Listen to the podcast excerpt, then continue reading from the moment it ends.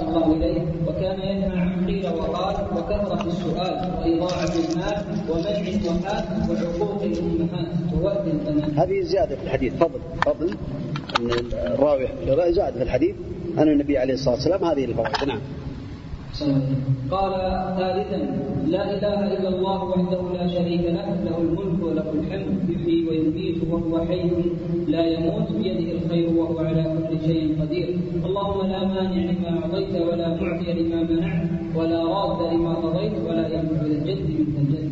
لحديث المغيرة رضي الله عنه عن وفاة مولى المغيرة بن ابن أعداد ثالثا نعم. ثالثا لا إله إلا الله وحده لا شريك له له الملك وله الحمد. يحيي ويميت وهو يحيي لا يحيي ويميت. هذه الزياده ليست في البخاري ولا في مسلم لكنها اظن في الطبراني. إيش قال الحاشي في الطبراني؟ قال هذه الزيادة بين المحبوبين للطبراني في المعجم نعم للطبراني يحيي ويميت زيادة الطبراني. نعم. يحيي ويميت وهو حي لا يموت نعم. بيده الخير. نعم. وهو على كل شيء قدير. اللهم لا مانع لما أعطيت ولا معطي لما منعت ولا راد لما قضيت. ولا راد لما قضيت. هذه زيادة في مسند آه، عبد بن حميد. نعم. إيش قال في الحاشيه؟ قال هذه زياده بين المعقوبين لعبد بن حميد في مسند. نعم. وسمعت الإمام ابن باز يقول ثبتت هذه الزيادة عند النبي صلى الله عليه وسلم. نعم.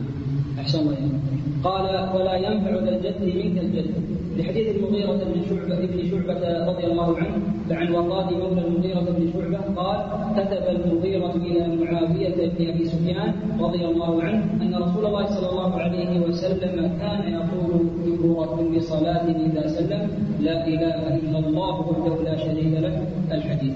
نعم. رابعا لا إله إلا الله وحده لا شريك له له الملك وله الحمد وهو على كل شيء قدير لا حول ولا قوة إلا بالله لا إله إلا الله ولا نعبد إلا إياه له النعمة وله الفضل وله الثناء الحسن لا إله إلا الله مخلصين له الدين ولو كره الكافرون. في حديث عبد الله بن الزبير رضي الله عنهما انه كان يقولها في دخل كل صلاة حين يسلم ثم قال كان رسول الله صلى الله عليه وسلم يسلم بهن دبر كل. كان يهلل نعم. يهلل بهن دبر كل عليه الصلاة والسلام نعم.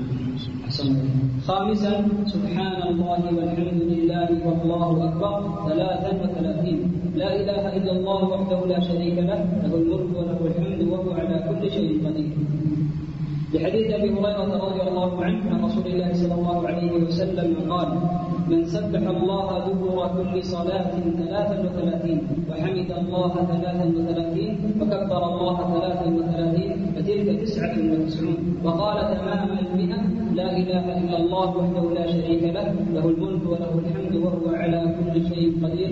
غفرت خطاياه ولو كانت مثل زبد نعم. والتسبيح والتحميد والتكبير ورد على عدة أنواع. ينبغي للمسلم أن ينوع بينها إذا شاء فيقول هذا في صلاة ويقول الآخر في صلاة أخرى لأن ذلك لأن في ذلك فوائد منها اتباع السنة وإحياء السنة وحضور القلب ومن هذه الأنواع في التسبيح والتحميد والتكبير ما يأتي. النوع الأول. سبحان الله والحمد لله والله أكبر. ثلاثا وثلاثين. ويختم بلا إله إلا الله وحده لا شريك له. له الملك وله الحمد وهو على كل شيء قدير. فتكون بها لحديث أبي هريرة السابق. النوع الثاني. سبحان الله ثلاث وثلاثين. والحمد لله ثلاث وثلاثين. والله أكبر أربعا وثلاثين. فتكون مئة لحديث كعب بن عجرة رضي الله عنه لحديث كعب بن عجرة رضي الله عنه عن رسول الله صلى الله عليه وسلم قال معقبات لا يقيل قائلهن أو فاعلهن دبر, كل صلاه مكتوبه ثلاثا وثلاثين تسبيحه وثلاثا وثلاثين تحميده واربعا وثلاثين النوع الثالث سبحان الله والحمد لله والله أكبر ثلاثا وثلاثين.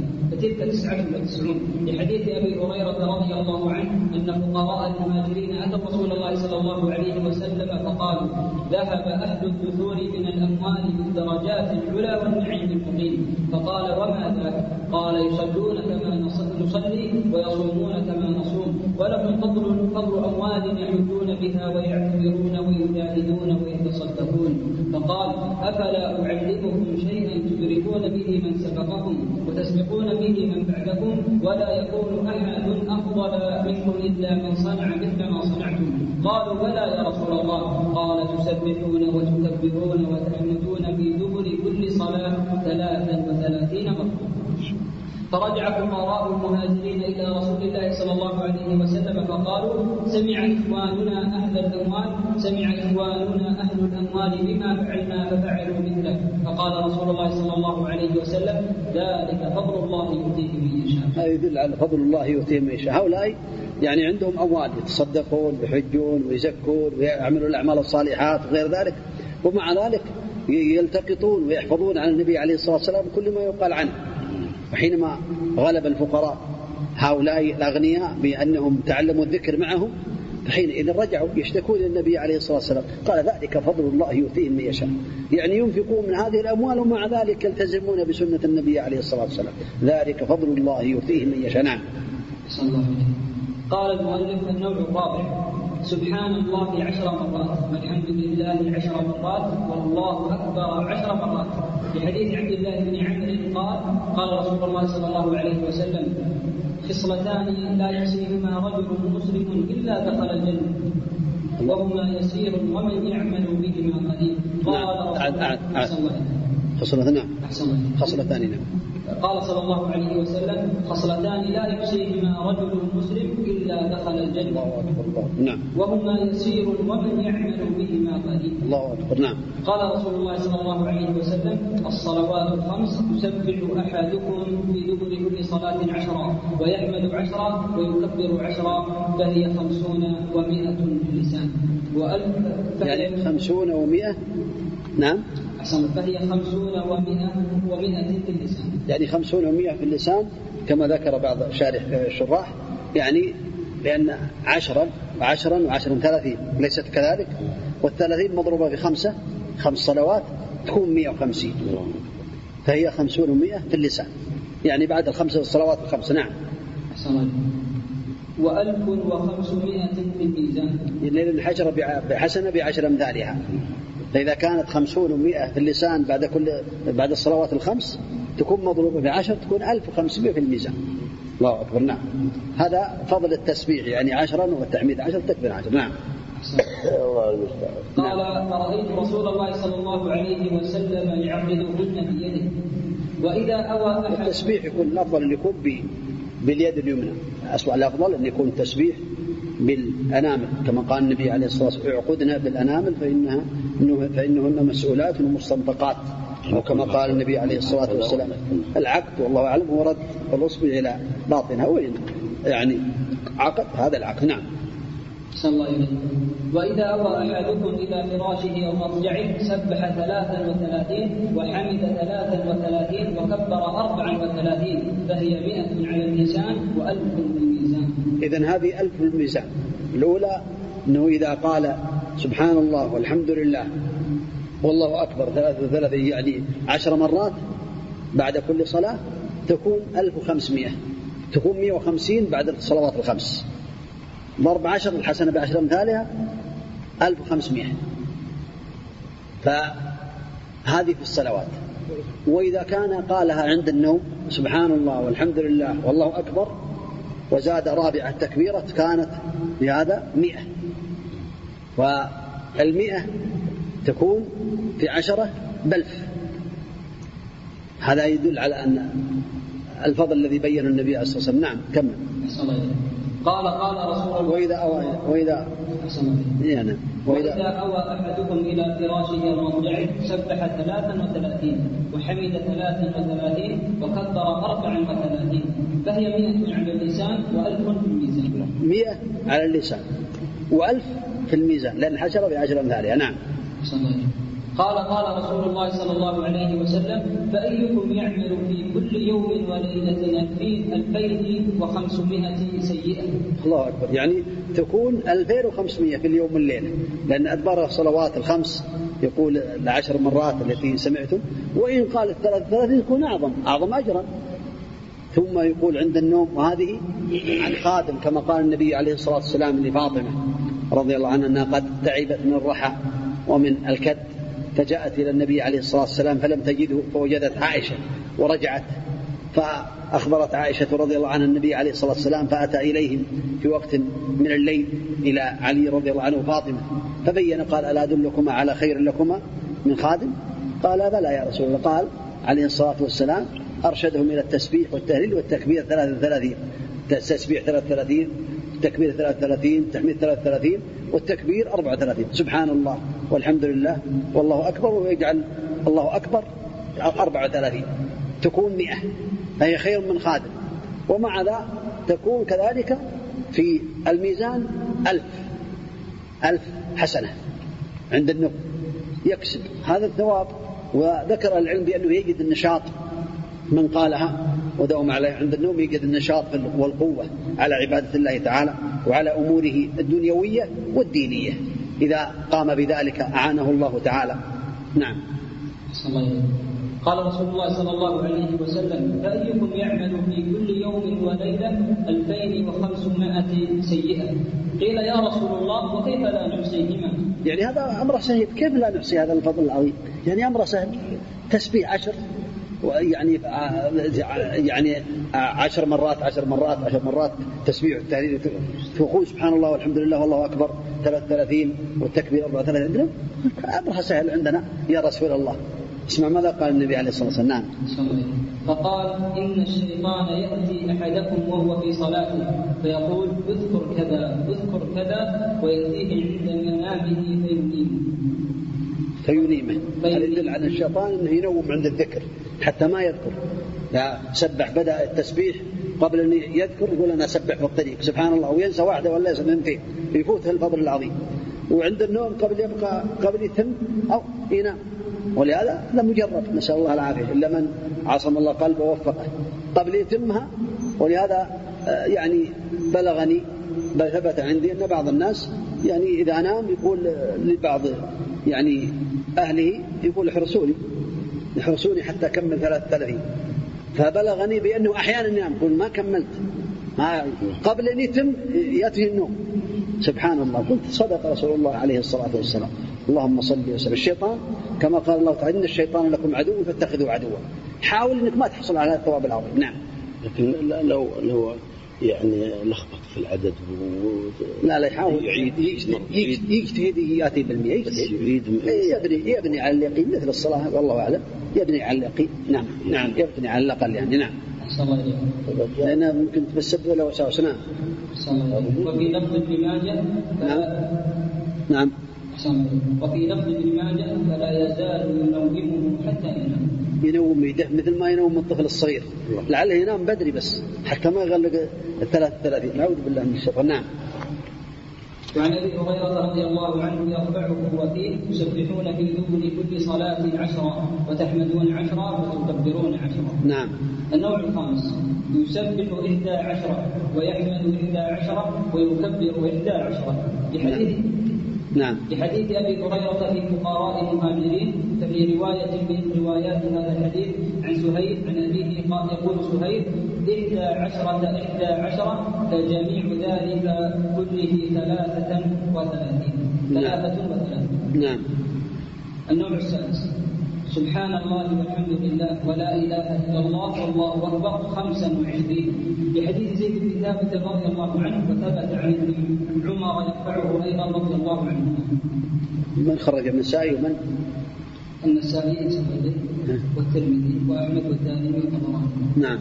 والحاكم صححه والذهبي صححه نعم ما شاء الله هذا فضل عظيم هذه الأنواع الستة لو وفق الله العبد وقالها حاول إني ينوعها خلاف تنوع مثل خلاف التنوع في التشهد وفي الصلاة على النبي عليه الصلاة والسلام ومثل خلاف التنوع في الاستفتاح استفتاح الصلاة. هذا خلاف تنوع في الأذكار والأفضل الإنسان أن يأتي بهذه الأذكار منوعة. وإن عجز أو لم يتيسر له ذلك التزم بالنوع الأول الأفضل. نعم. أحسن الله إليك. قال المؤلف سادسا يقرأ آية الكرسي الله لا إله إلا هو الحي القيوم إلى آخرها. لحديث أبي أمامة رضي الله عنه قال قال رسول الله صلى الله عليه وسلم من قرأ آية الكرسي دبر كل صلاة مكتوبة لم يمنعه من دخول الجنة إلا الموت. وزاد الطبراني وقل هو الله أحد. الله أكبر نعم. سابعا يقرأ المعوذات الثلاث قل هو الله أحد وقل أعوذ برب الفلق وقل أعوذ برب الناس. دبر كل صلاة في حديث عقبة بن عامر رضي الله عنه قال أمرني رسول الله صلى الله عليه وسلم أن أقرأ بالمعوذات دبر كل صلاة. نعم. إيش قال الفتح؟ في الحامش الحاشية عن المعوذات. قال أبو داود النسائي لا لا. كلمة عن المعوذات. في الحاشية نعم. قال الحافظ الفتح المعوذات الثلاث. إلا مذكور نعم. ها؟ نعم. قال الحافظ رحمه الله تعالى ذكر أن المعوذات الثلاث المعوذات هي السور الثلاث. نعم. قل هو الله أحد قل أعوذ برب الفلق قل أعوذ برب الناس. نعم. ثامنا لا إله إلا الله وحده لا شريك له له الملك وله الحمد يحيي ويميت بيده الخير وهو على كل شيء قدير. أعداد أحسن الله. ثامنا لا إله إلا الله وحده لا شريك له له الملك وله الحمد يحيي ويميت بيده الخير وهو على كل شيء قدير. نعم. عشر مرات بعد صلاة الفجر والمغرب. نعم. لحديث أبي ذر ومعاذ وأبي عياش الزرقي وأبي أيوب وعبد الرحمن بن غنم الأشعري وأبي الدرداء وأبي أمامة وعمارة بن شبيب السبائي رضي الله عنه. نعم ومجموع ما في احاديث احاديثهم رضي الله عنهم أن من قالها بعد المغرب يعني من قال لا إله إلا الله وحده لا شريك له له الملك وله الحمد يحيي ويميت بيده الخير وهو على كل شيء قدير. من قالها دبر صلاة المغرب بعد صلاة المغرب وبعد صلاة الفجر له الفضل نعم الذي يذكره نعم. أن من قالها بعد المغرب أو الصبح عشر مرات بعث الله له مصلحة. مسلحة يعني. مصلحة الملائكة معهم يعني سلاح يح- يحرسونه نعم. مصلحة يحرسونه من الشيطان حتى يصبح. الله أكبر نعم. ومن حين يصبح حتى يمسي نعم. ورفع له عشر درجات وكان في حرص من كل يعني يحصل له فوائد. أولا يبعث الله له مسلحة يحفظونه حتى حين يصبح إلى أن يمسي أو حين يمسي إلى أن يصبح. هذه فائدة نعم. الثانية ورفع له عشر درجات. ويرفع له عشر درجات. نعم. وكان في حرص من كل مكروه يومه ذلك أعداد عاد. أحسن الله. بعث الله له مسلحة يحرسونه من الشيطان حتى يصبح. نعم. ومن حين يصبح حتى يمسي نعم. ورفع له عشر درجات. نعم. وكان في حرص من كل مكروه من كل مكروه يومه ذلك نعم. وكتب الله له, له بها عشر حسنات موجبات. الله أكبر. ومحى عنه عشر سيئات موبقات الله أكبر. نعم. وكانت له كعدل عشر رقبات مؤمنات الله أكبر. نعم ولم ينبغي لذنب أن يدركه في ذلك اليوم إلا الشرك بالله. نعم. وهذه الأحاديث كلها مجموعة كما ذكر أهل الحديث ثابتة عن النبي عليه الصلاة والسلام. نعم. قال المؤلف وكان من أفضل الناس عملا إلا رجلا يفضله بقول أفضل مما قال. نعم. تاسعا. اللهم إني أسألك علما نافعا ورزقا طيبا وعملا متقبلا. بعد السلام من صلاة الفجر لحديث أم سلمة رضي الله رضي الله عنها أن النبي صلى الله عليه وسلم كان يقول إذا إذا صلى الصبح حين يسلم اللهم إني أسألك علما نافعا. الحديث. رواه مسلم رواه ابن ماجه واحد نعم.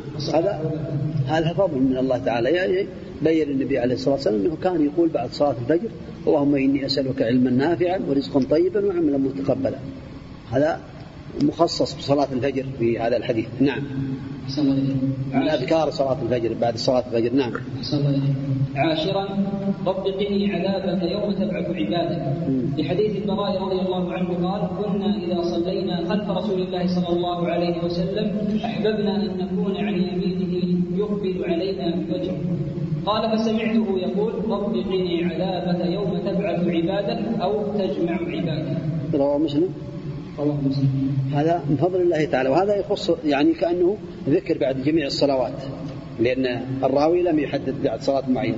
ربني قني ربي قني عذابك يوم تبعث عبادك أو يوم تجمع عبادك. هذا ينبغي للمسلم أن يحافظ على هذه الأذكار حتى يحصل على الثواب العظيم والأجر الكبير من الله تعالى. نعم. لو فات على المسلمين يا شيخ بعض هذه الأكثار نعم. وذكر بعضها يحصل له الأجر يعني من من يحصل من يحصيها إلا من وفق الله تعالى. كثير من من الناس ما يقدر على هذا. لكن فاتقوا الله ما لا يكلف الله نفسا إلا وسعها. نعم. لكن يرجى لمن حافظ عليها واجتهد فيها وغلب على أمره أحيانا أن يعوضه الله تعالى أن يكتبها له. كما ثبت عن النبي عليه الصلاة والسلام إنه قال إذا مرض العبد أو سافر كتب الله له ما كان يعمل مقيما صحيحا. هذا من فضل الله تعالى. لو حافظ عليها بالإقامة حافظ عليها في الصحة والعافية ثم شغل عنها أو مرض أو سافر الله يكتبها له. هذا من فضل الله تعالى على عباده. نعم. صلى الله عليه وسلم. الحادي عشر. نعم. رفع الصوت بالذكر. نعم. رفع الصوت بالذكر عند انصراف الناس من الفريضة سنة نعم. لحديث ابن عباس رضي الله عنهما قال كنا نعرف انقضاء صلاة رسول الله صلى الله عليه وسلم بالتكبير وفي لفظ البخاري وفي لفظ للبخاري أن رفع الصوت بالذكر حين- أن رفع الصوت بالذكر حين ينصرف الناس من المكتوبه كان على عهد النبي صلى الله عليه وسلم. قال الحافظ ابن حجر رحمه الله تعالى فكان المراد أن رفع الصوت بالذكر أي التكبير وكأنهم كانوا يبدأون بالتكبير بعد الصلاة قبل التسبيح والتحميد نعم وقد توضح وقد وقد توضح ذلك في حديث أبي هريرة أن أبا صالح قال الله أكبر وسبحان الله والحمد لله الله أكبر وسبحان الله والحمد لله حتى تبلغ من جميعهن ثلاثا وثلاثين. ما شاء الله ما شاء الله. هذا أنا كثير من الناس ما يقال كثير لكن بعض الدول وبعض الناس يعني في بعض المساجد يقول السلام عليكم ورحمة الله السلام عليكم ورحمة الله يقول الله أكبر وكلهم يقولون المأمومين الله أكبر. أخذا بهذا الحديث. لكن فسره ابن حجر رحمه الله تعالى وفسرت الرواية أنه ربما بعضهم يبدأ الله أكبر. يقول الله أكبر سبحان الله. والحمد لله يعني الله أكبر سبحان الله والحمد لله. يعني لا بأس أن يقول هذا. طيب هذا تفسير أو هذا يعني الأحاديث يفسر بعضها بعضا. هو الإنسان يأتي بالأحاديث ويأخذها على ظاهرها بدون تأمل وبدون عناية. لا بد أن يسألها العلم. نعم. يصلي السنن الرواتب لحديث يعني من المناسب. بسم الله اللهم صل على محمد. من المناسب أن يذكر بعد أذكار الصلوات. من المناسب أن تذكر سنن الرواتب حتى ما يعرف الإنسان ترتيب الصلاة من التكبير إلى التسليم في هذا الكتيب ويضاف إلى هذا السنن الرواتب لأنها من الأمور التي ينبغي المسلم أن يحافظ عليها بعد الأذكار. نعم. وقبل, وقبل الانصراف إلى الدنيا وإلى أشغال الدنيا. نعم. رفع الصوت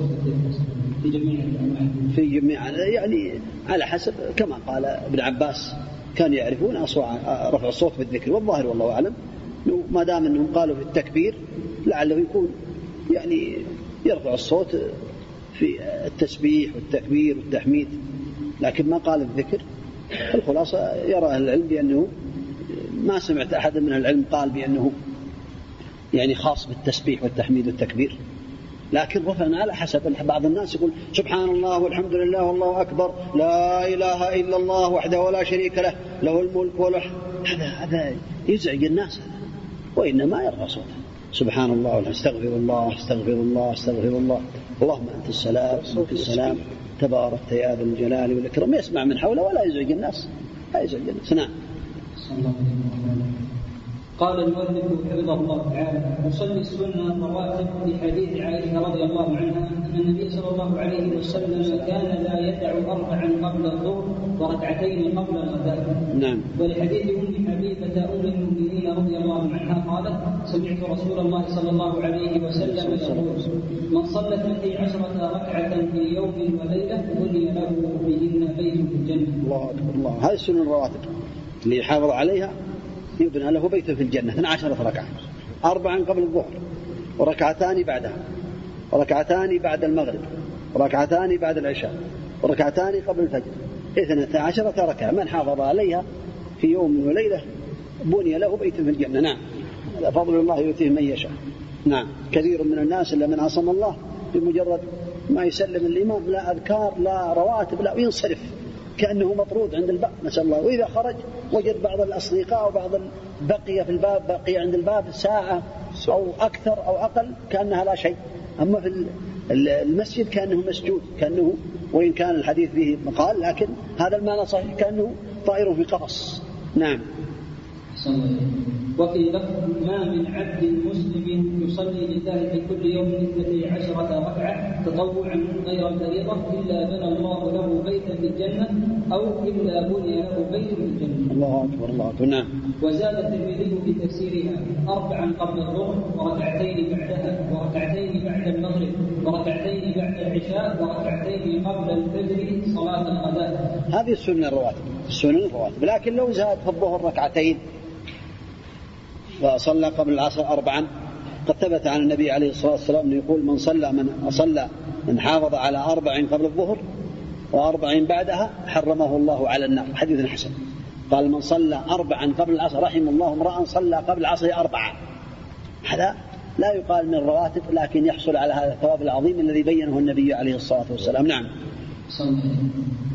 ولحديث عبد الله بن عمر رضي الله عنهما قال حفظت من النبي صلى الله عليه وسلم عشر ركعات ركعتين قبل الظهر وركعتين بعدها وركعتين بعد المغرب في بيته وركعتين بعد العشاء في بيته وركعتين قبل صلاة الصبح وفي رواية وركعتين بعد الجمعة في بيته. نعم. والأفضل أن تكون السنة الرواتب الأفضل في البيت. إلا أن المبادرة والتبكير إلى المسجد خاصة المأموم يشرع له ذلك تبكير المساجد كما بين النبي عليه الصلاة والسلام ذلك وبين فضله أنه في صلاة ما انتظر الصلاة. نعم. فالرواتب عشر كما قال ابن عمر كما قال ابن عمر رضي الله عنهما واثنتي عشر كما قالت أم حبيبة وعائشة رضي الله عنهما. وسمعت شيخنا وسمعت شيخنا الإمام علامه بن باز رحمه الله تعالى يذكر أن من أخذ بحديث ابن عمر قال الرواتب عشر. ومن أخذ بحديث عائشة قال اثنتي عشرة ويؤيد حديث عائشة ما رواه الترمذي في تفسيرها. ويدل ويدل عليه حديث أم حبيبة في فضل هذه الرواتب. ويحتمل أن رسول الله صلى الله عليه وسلم كان تارة كان تارة يصلي اثنتي عشرة كما في حديث أم حبيبة وعائشة. وتارة يصلي عشرة كما في حديث ابن عمر فإذا نشط المسلم صلى اثنتي عشرة. اثنتي عشرة وإذا كان هناك شاغل صلى عشرة وكلها رواتب والكمال والتمام أن يصلي كما في حديث عائشة وأم حبيب وهو الأولى والله أعلم لأنه من قول النبي عليه الصلاة والسلام فقوله مقدم على فعله. وكونه بين عليه الصلاة والسلام ورغب في اثنتي عشرة ركعة عليه الصلاة والسلام وصلى عشر ركعات وربما صلى في حديث عائشة كأربعا قبل الظهر هذا يدل على هذا الفضل وأن القول الأفضل من الفعل. نعم. يعني الزيادة هي قبل الظهر يعني نعم. نعم. الزيادة قبل الظهر نعم. الأربع هذه تكون سلام واحد كل لا كل ركعة كما قال النبي عليه الصلاة والسلام كما يأتي صلاة الليل والنهار في زيادة النساء مثنى مثنى. تكون ركعتين ركعتين كل ركعتين بسلام. نعم. أما بعض الناس الذي يجعل أربعا خالف السنة. حتى ذكر بعض أهل العلم منهم شيخنا رحمة الله عليه أنه لو نسي وقام إلى الركعة الثالثة لا يكمله ولو استقام يرجع حتى يسلم من ركعتين نعم. صلاة الليل والنهار مثنى مثنى. نعم. وإن أراد المسلم أن يحافظ على أربع قبل الظهر وأربع بعدها حرمه الله على النار. لحديث ابن حبيبة رضي الله عنها قالت سمعت رسول الله صلى الله عليه وسلم يقول من حافظ على أربع ركعات قبل الظهر وأربع بعدها حرمه الله على النار. نعم. من روى؟ رواه أحمد وأبو داود. نعم. نعم. وإن أراد المسلم أن يصلي أربعا قبل العصر رحمه الله لحديث ابن عمر رضي الله عنهما قال قال رسول الله صلى الله عليه وسلم رحم الله امرأ صلى أربعا قبل العصر. نعم. وصلى الله وسلم على نبينا محمد وآله وأصحابه أجمعين. بارك الله فيك بارك الله فيك. نسأل الله عز وجل لنا ولكم العلم النافع والعمل الصالح. والتوفيق لما يحبه ويرضاه. صلى الله وسلم وبارك على نبينا محمد وعلى آله وأصحابه أجمعين. نعم. لا بأس. يقول السائل فضيلة الشيخ حفظه الله. هل الإنسان محاسب بما يكلم به نفسه أي تخيره مثلا أنه يرتكب معصية معينة؟ وهو يجاهد نفسه دائما أن لا يفعلها على أرض الواقع وإنما هي تخيلات أرجو التوضيح حفظه الله. بين النبي عليه الصلاة والسلام بهذا؟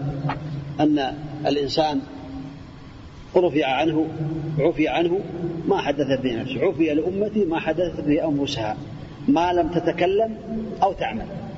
فإذا حدث نفسه بمعصية وهم بالمعصية ولم يعملها فلا إثم عليه.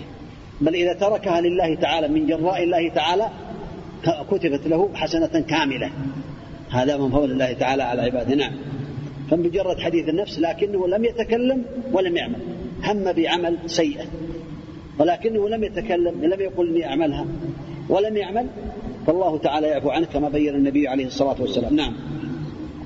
هل يشترط تلفظ نعم أي ما دام النبي عليه الصلاة والسلام قال من يعني عفي لأمتي ما حدث لأنفسها. ما لم تتكلم أو تعمل. نعم. لا يتكلم؟ كتبت. نعم. متى تكون المعوذات بعد الصلاة مرة واحدة ومتى تكون تكون مرة واحدة بعد الصلوات كلها. أما من ذكرها أنها تقال بعد الصلاة المغرب ثلاث مرات وبعد الفجر ثلاث مرات فهذا ليعلم العامة عامة الناس أنها تقال حتى تكفي عن أذكار حكم الترتيب بالاذكار بعد الصلاه وغيرها؟ نعم. ما حكم الترتيب بالأذكار بعد الصلاة وغيرها وإذا كان ذلك أحضر لقلبه؟ الترتيب الترتيب لم يشرع لم يشرع عن السلف الترتيل يقرأ قراءة القرآن سبحان الله والحمد لله ولا إله إلا الله والله أكبر يعني هذا يعني كان المعروف في عهد النبي عليه الصلاة والسلام رفع الصوت بالذكر ولم يقول يرتل نعم. وهو رتل القرآن ترتيلا. الصحابة يعرفون اللغة العربية والقرآن هو نزل بلغة قريش. ورتل القرآن ترتيلا. أما كل الأذكار يرفعونها بدون يعني نعم. لا لابد من التلفظ بالأذكار. بعض الناس أنا رأيت بعض الناس يسبح بدون تلفظ يقول هكذا بدون أي كلام. هذا لعب بدون كلام بدون تحريك لسان لابد أن إذا أراد الفضل أن يتكلم بالأذكار يسمع نفسه إن كان سليم السمع. يسمع قال بعض العلم يسمع نفسه. في الأذكار يعني في قراءة الفاتحة في السر وفي يعني أدبار الصلوات يسمع نفسه إذا كان سليم السمع. نعم. يقول فضيلة الشيخ هل يجزي أن يقول الشخص أذكار النوم بعد صلاة المغرب ومتى تكون وقت الأذكار أذكار النوم عند النوم. عندما يهوي إلى فراشه. نعم. أذكار الصباح والمساء نعم. أذكار الصباح والمساء يقول أذكار الصباح والمساء أذكار الصباح ذكر العلم أنها تكون بعد الفجر. إلى إشراق الشمس. شروق الشمس. والمساء بعد العصر إلى الغروب. وإن فات قبل الغروب كملها بعد المغرب. وإن فات قبل يعني الشروق كملها بعد الإشراق؟ نعم. بل منهم من يعني مد ذلك إلى بعد لكن الإنسان يحاول يفكر بأذكار. نعم. من ذكر يا شيخ بعد العصر وبعد المغرب. احتياطا خوفا انه ينساها وذكرها بعد العصر وذكرها بعد المغرب. لا الامر واسع إن شاء الله. لا الامر واسع نعم. يقول السائل احسن الله إليكم. هل يصح أن يقول اللهم اجرني من النار سبع مرات بعد الفجر والمغرب؟ ورد في حديث لكن المعروف عنه أنه ضعيف منهم من قال إنه يستحب ومنهم من قال لكن المعروف إنه ضعيف نعم. يقول السائل إذا صلى المسلم لو التزم بالأذكار الصحيحة كفى نعم. لو صلى إذا صلى المسلم سنة الظهر في المسجد فهل يصليها اربعا من المسجد؟ يصليها اربعا صلى الظهر صليها اربعا نعم. الأفضل له نعم. الجمعة لو صلى الجمعة يعني صلىها في المسجد يصليها أربع ركعات على الصحيح وصلاها البيت يصليها أربع ركعات. لأن ثبت عن النبي عليه الصلاة والسلام أنه صلى ركعتين بعد الجمعة في بيته. وثبت عنه قال أنه قال من كان منكم مصليا بعد الجمعة فليصلي أربعا. فذكر بعض العلماء بأنه القول مقدم على الفعل. هذا فعله عليه الصلاة والسلام صلى ركعتين. منهم من قال يعني أظنه اختيار شيخ الإسلام ابن تيمية رحمة الله عليه أنه إذا صلى في المسجد صلى أربع ركعات. وإذا صلى في البيت صلى ركعتين. لكن الأفضل كما قال شيخنا رحمة الله عليه أنه يصلي أربعا سواء في المسجد أو في البيت. نعم. لأن القول مقدم على الفعل. صلى نعم. هل الحديث الوارد من صلى 11 ركعة. في الجنة من الله له في الجنة هو الوارد من السنة الرواتب. نعم نعم. عن عن السنن الرواتب. نعم. كما فسر ذلك الترمذي. نعم. يقول السائل هل علامة السجود التي تخرج على الجبين؟ هل يجب أن يزيلها الإنسان وهل إذا أبقاها تكون من المنكر؟ نعم ما ورد عن العلم شيء فيه لكن الإنسان عاد لا يبالغ في هذا الأمر يعني. يتقي الله ولا يبالغ في الأمر نعم. كون يزيل أو يسوي لها عملية هذا دليل. نعم. صلى الله عليه وسلم. والعمل الصالح التوفيق لما يحب ويرضاه صلى الله وسلم وبارك على نبينا محمد وعلى آله وأصحابه أجمعين. سم. بسم الله والصلاة والسلام على رسول الله محمد بن عبد الله وعلى آله وصحبه ومن والاه.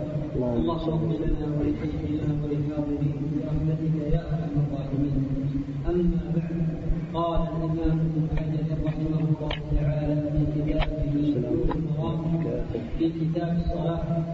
وعن مالك بن الحويرث رضي الله عنه قال قال رسول الله صلى الله عليه وسلم صلوا كما رأيتموني أصلي. رواه البخاري. وعن عمران بن حسين رضي الله عنه أن النبي صلى الله عليه وسلم قال صل قائما فإن لم تستطع فقاعدا فإن لم تستطع فعلى جنب وإلا فأوفي رواه البخاري بسم الله الرحمن الرحيم. الحمد لله رب العالمين صلى الله وسلم وبارك على نبينا محمد وعلى آله وأصحابه أجمعين. أما بعد هذا الحديث الأول يدل على أن المسلم يجب عليه أن يقتدي بالنبي عليه الصلاة والسلام في هذه الصلاة التي هي الركن الثاني من أركان الإسلام. يصلي كما يصلي النبي عليه الصلاة والسلام. هذا حديث جامع. جميع الأمور التي تكون في الصلاة يقتدي فيها المسلم بالنبي عليه الصلاة والسلام. صلوا كما رأيتموني أصلي. يدخل فيه كل شيء من أركان الصلاة وواجباتها ومستحباتها وغير ذلك مما يحبه الله تعالى فيها كما شرعه النبي عليه الصلاة والسلام. هذه قاعدة عظيمة. هذا الحديث يكون قاعدة عظيمة في جميع الصلاة يشمل جميع الأعمال التي يعملها النبي صلوات الله وسلامه عليه. نعم. والحديث الثاني يدل على أن المسلم يتقي الله تعالى ما استطاع فاتقوا الله ما استطعتم. لا يكلف الله نفسا إلا وسعها. يصلي قائما كما أمر النبي عليه الصلاة والسلام عمران بن حصين صلي قائما. فإن لم تستطع فقاعد فإن لم تستطع فعلى جنب فإن لم تستطع فمستلقيا. وفي بعض الروايات فومي إيماء فاتقوا الله ما استطعتم لا يكلف الله نفسا إلا وسعها. يصلي على حسب قدرته. إن كان يستطيع أن يصلي قائما وجب عليه أن يصلي قائما. ركن من أركان الصلاة. القيام في الفرض مع القدرة هذا ركن من أركان الصلاة. لا تصح الصلاة إلا به إلا عند العجز. فين عجز؟ صلى جالسا. فين عجز؟ صلى على جنب. فين عجز؟ صلى مستلقيا. فين عجز؟ صلى ولو بالإمام. ولهذا ذكر أهل العلم رحمة الله عليهم أن الصلاة لا تسقط عن العبد. المسلم ما دام عقله ثابتا حتى لو يصلي بقلبه يصلي بعقله تصور أنه في الركوع في السجود يدير الفاتحة على قلبه لا تسقط الصلاة على المسلم ما دام عقله ثابتا هذا يدل على أن بعض الناس إذا كان في المستشفيات أو قد يعني نون في المستشفيات يؤخرون الصلاة. هذا لا يدري لعله أن يموت قبل أن يخرج. فيجب عليه أن يصلي على حسب استطاعة. فاتقوا الله ما استطعتم. نعم. وعن جابر رضي الله عنه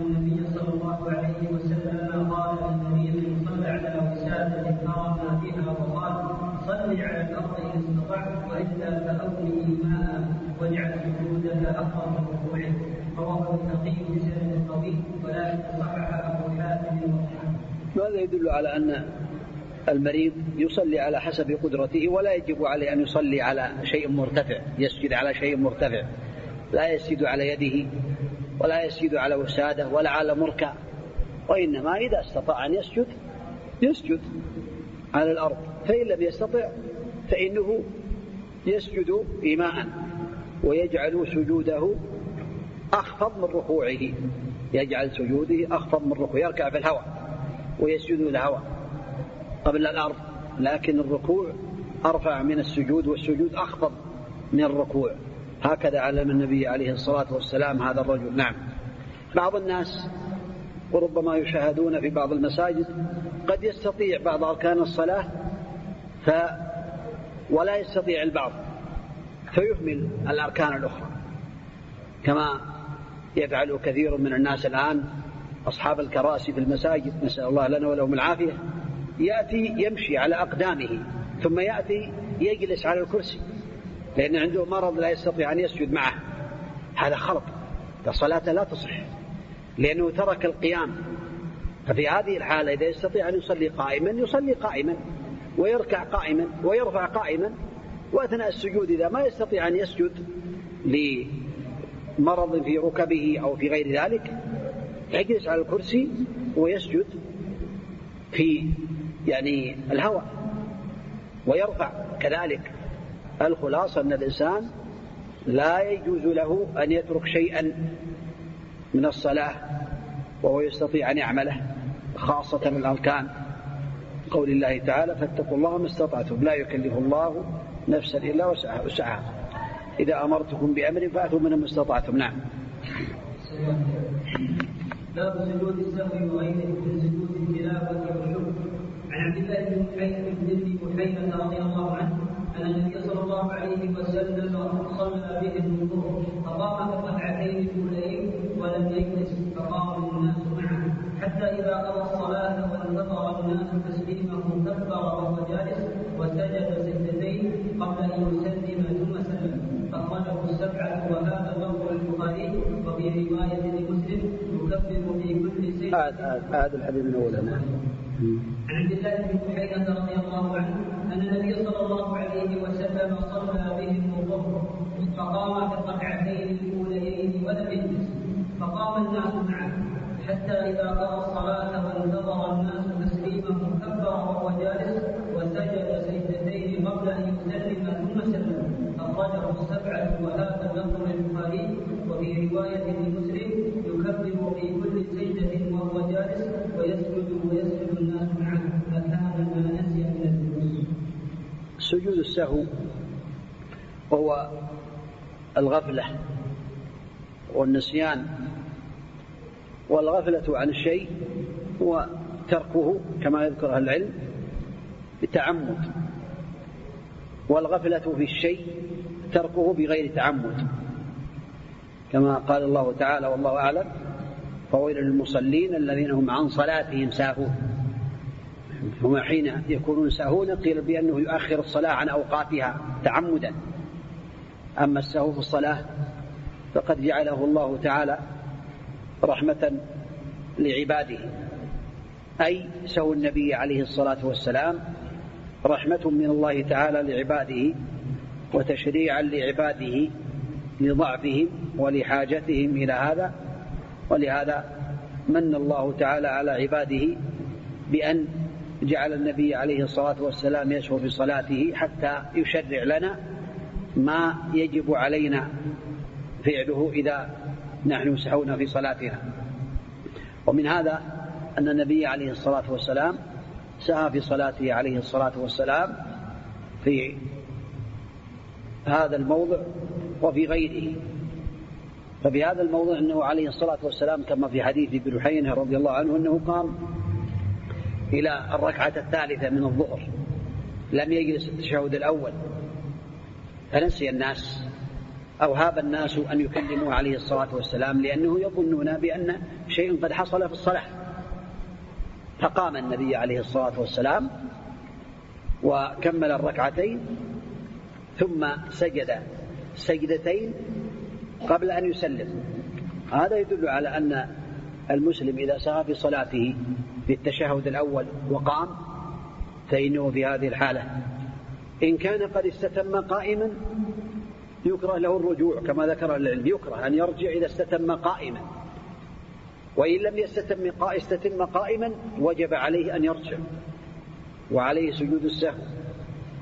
وإن استتم قائما وشرع في الفاتحة حرم عليه أن يرجع وتأكد عليه الاستمرار في صلاته ثم يسجد قبل السلام سجدتين كسجدتي الصلاة يكبر في كل سجدة ويقول الدعاء الذي يقوله في سجود الصلاة سبحان ربي الأعلى لأنه لم يثبت عن النبي عليه الصلاة والسلام شيء من الأذكار في سجود السهو.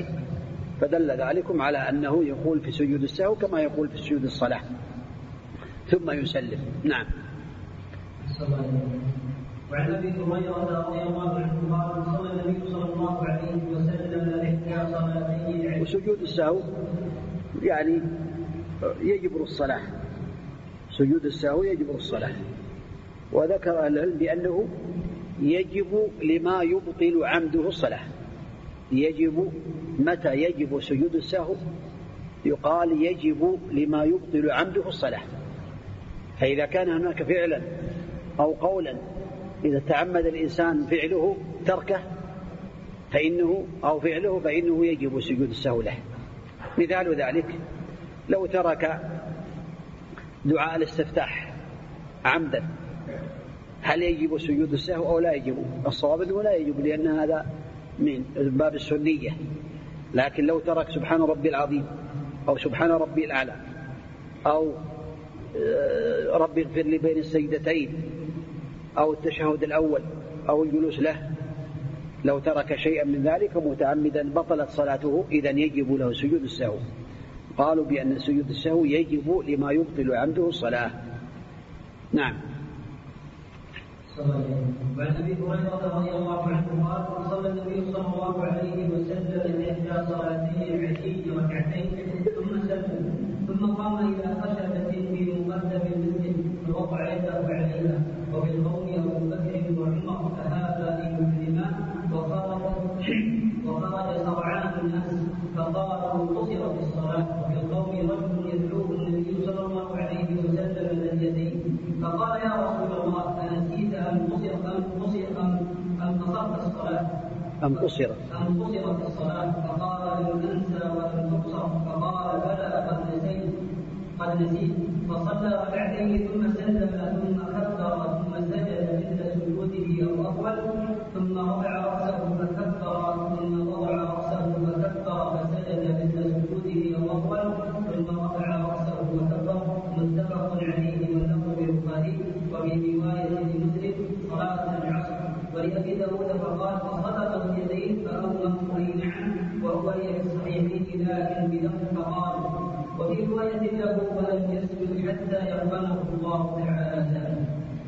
هذا كذلك من الأحوال التي سهى فيها النبي عليه الصلاة والسلام في صلاته.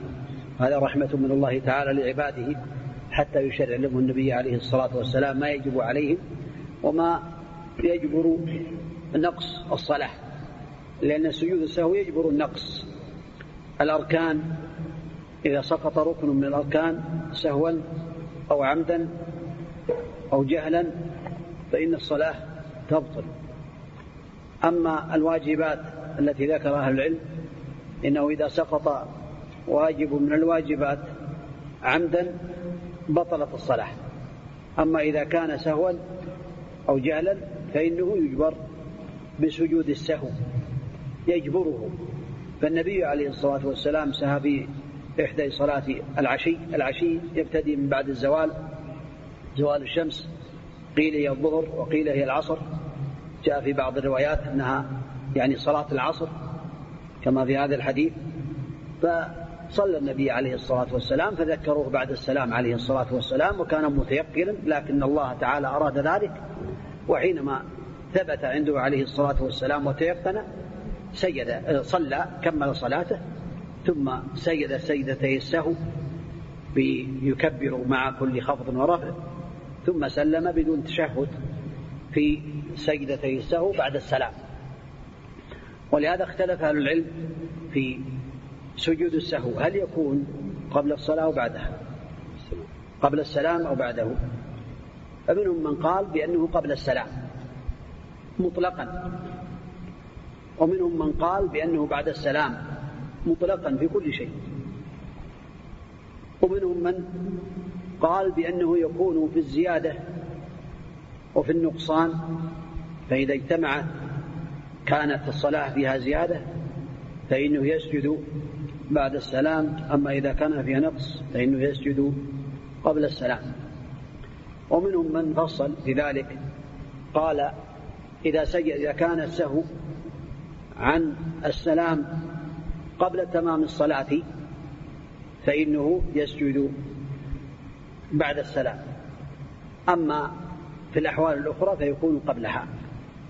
والأقرب في ذلك ما دلت عليه الأحاديث وأنه يسجد سجود السهو كله قبل السلام إلا في حالتين.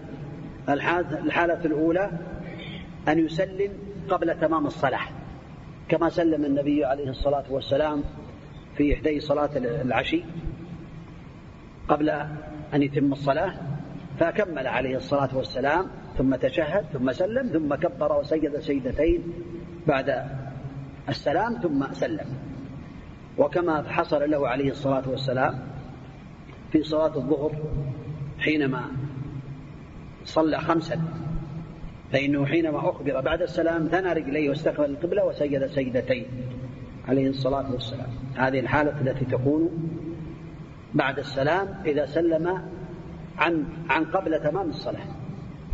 الحالة الثانية إذا سلم إذا كان السهو أو بنى على غالب ظنه. إذا كان السهو يكون بالشك أو في البناء على غالب الظن في البناء على غالب الظن. وترجع عنده فإنه في هذه الحالة يبني على غالب ظنه ثم يسجد بعد السلام. هذا هو الأفضل. وأجمع العلماء كما ذكر العلم أن السجود يجوز قبل الصلاة قبل السلام وبعد السلام. الحمد لله الأمر واسع في ذلك لكن هذا هو الأفضل. نعم.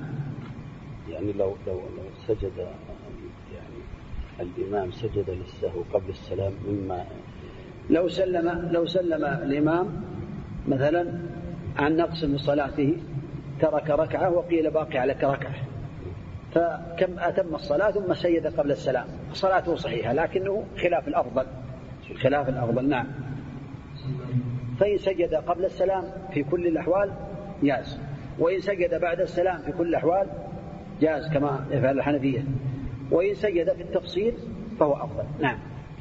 بالتفصيل نعم. إذا قام المأموم كما يذكر العلم إذا قام المأموم يقضي صلاته صلاته وسلم الإمام أو سجد وهو لا يدري طبعا فإنه يتم صلاته. وقبل السلام ثم يسلم مثل الإمام ثم يسجد سجدتي السهو بعد السلام مثل الإمام. نعم. إذا ما ما, ما في التفصيل إذا كان السهو فيما يعني فيما سبقه يعني فيما فات عليه من صلاة أو فيما لحقه مع الإمام من صلاة. ما دام الإمامة ما دام الإمامة سجد السهو فإنه يسجد معه سواء كان يعني آه، السهو قبل دخوله في الصلاة أو بعد دخوله في الصلاة. نعم. حتى لو كان المأموم يعني متيقنا بأن الصلاة لم يحصل بها شيء ولكن سجد الإمام فإنه يجب عليه أن يسجد مع الإمام. متابعة. متابعة الإمام نعم. وعن عمران بن حسين رضي الله عنه أن النبي صلى الله عليه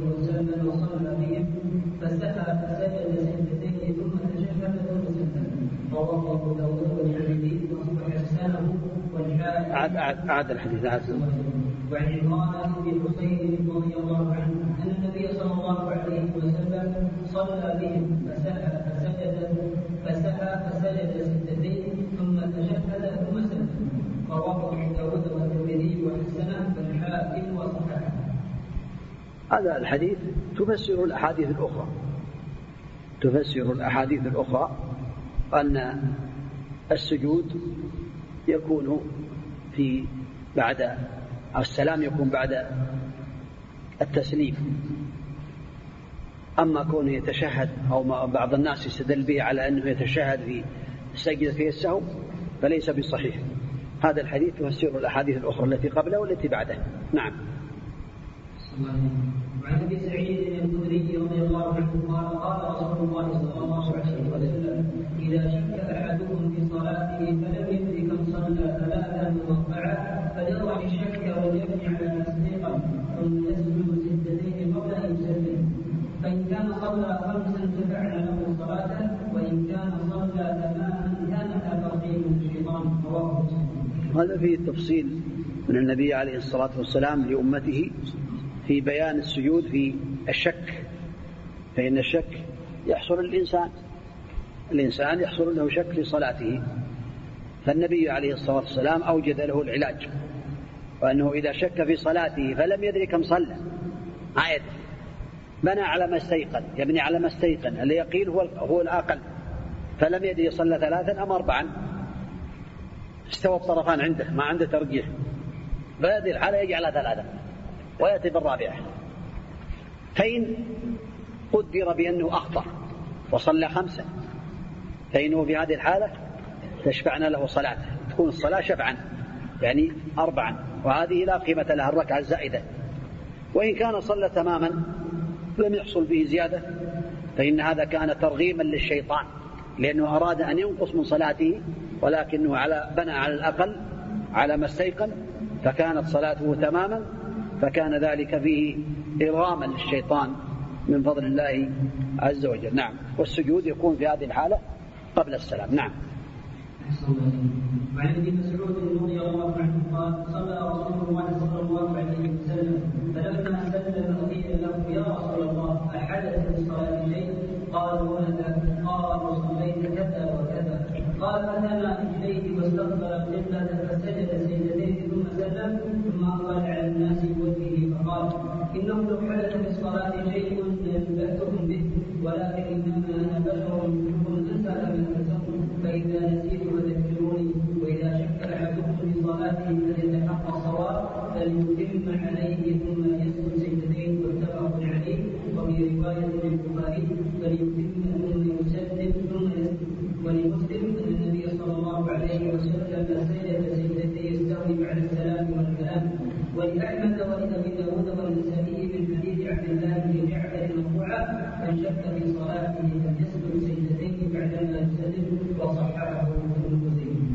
هذا الحديث كذلك يدل على فوائد إضافة على ما تقدم منها أن الذي يبني على اليقين أو يبني على غالب ظنه الأفضل يكون السلام بعد يعني سجود السهو بعد السلام. ولهذا قال فليتحرى الصواب. ثم ليسجد سجدتين. هذا يدل على أن الإنسان إذا تحرى الصواب فإنه يسجد بعد السلام. يعني يبني على غالب ظنه صلى الظهر لكن عنده تردد. هل هي أربعة أم ثلاثة؟ لكن عنده تسعة وتسعين بالمئة بأنه صلى أربعا عنده شك قليل يعني هذا هو غالب الظن الذي يكون قريبا من اليقين. فإنه في هذه الحالة يبقى يصلي يجعلها أربعا ثم يتشهد ثم يسلم ثم يكبر ويسجد سجدتي السهو بعد السلام ثم يسلم. هذا بنى على غالب ظنه كذلك بالعكس لو قال بأني صليت ثلاث ركعات من الظهر تسعة وتسعين بالمئة. يعني على غالب الظن.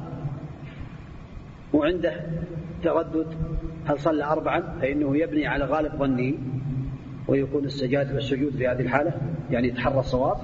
ويكون السجود بعد السلام. وكذلك يدل الحديث في أوله على أن النبي عليه الصلاة والسلام ذكر بعد السلام فثنى رجليه واستقبل القبلة استقبل القبلة ثنى رجليه وسجد سجدتين بعد السلام. نعم فإذا حصل شيء من ذلك في هذه الحالة فالأفضل أن يكون السجود بعد السلام. نعم.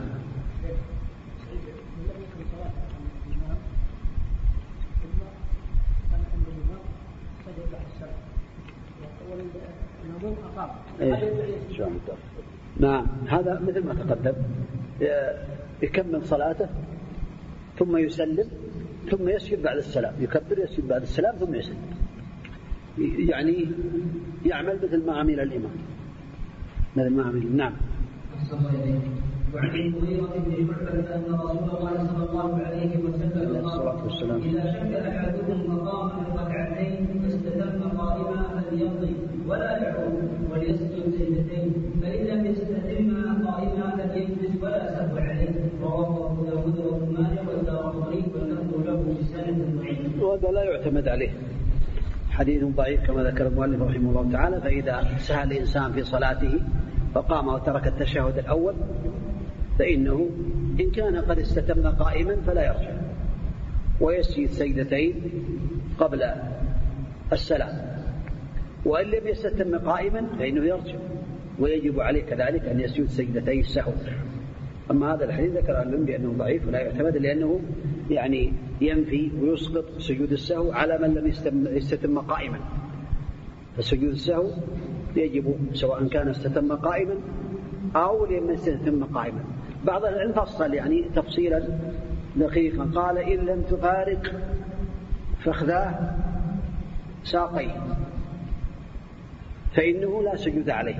وإن هذا ما عمل شيء بمجرد نية أن يقوم تذكر هو لم يعمل شيئا هذا ما عليه سجود سهو لكن إن فارقت فخذاه ساقاه أو ساقاه فخذيه فإنه في هذه الحالة عمل عملا. عمل عملا. فإنه يرجع ويسجد. سجود السهو. نعم. وعن عمر رضي الله عنه عن النبي صلى الله عليه وسلم قال ليس على من خلف الامام سهل والبيهقي بسند ضعيف. ضعيف لكن معناه صحيح. فلو لم يكن معناه صحيح للزم المأموم أن يسجد سجود السهو مثال ذلك إنسان صلى مع الإمام ثم ترك سبحان ربي العظيم. ما قاله. يعني انشغل عنه. أو سبحان ربي العلى. أو شيئا من أو نسي وقام قبل الإمام ثم تذكر ورجع. حتى يتابع الإمام فهذا لا سوى عليه لا سجود سوى عليه. هذا يعني هذا هو المعنى الصحيح. أما الحديث ضعيف. فلا سهو على من خلف الإمام أي لا سجود سهو إذا سهو نفسه. إذا سهو نفسه في شيء من الصلاة فإنه لا سجود عليه. يسلم مع الإمام ويتحمل عنه الإمام. نعم.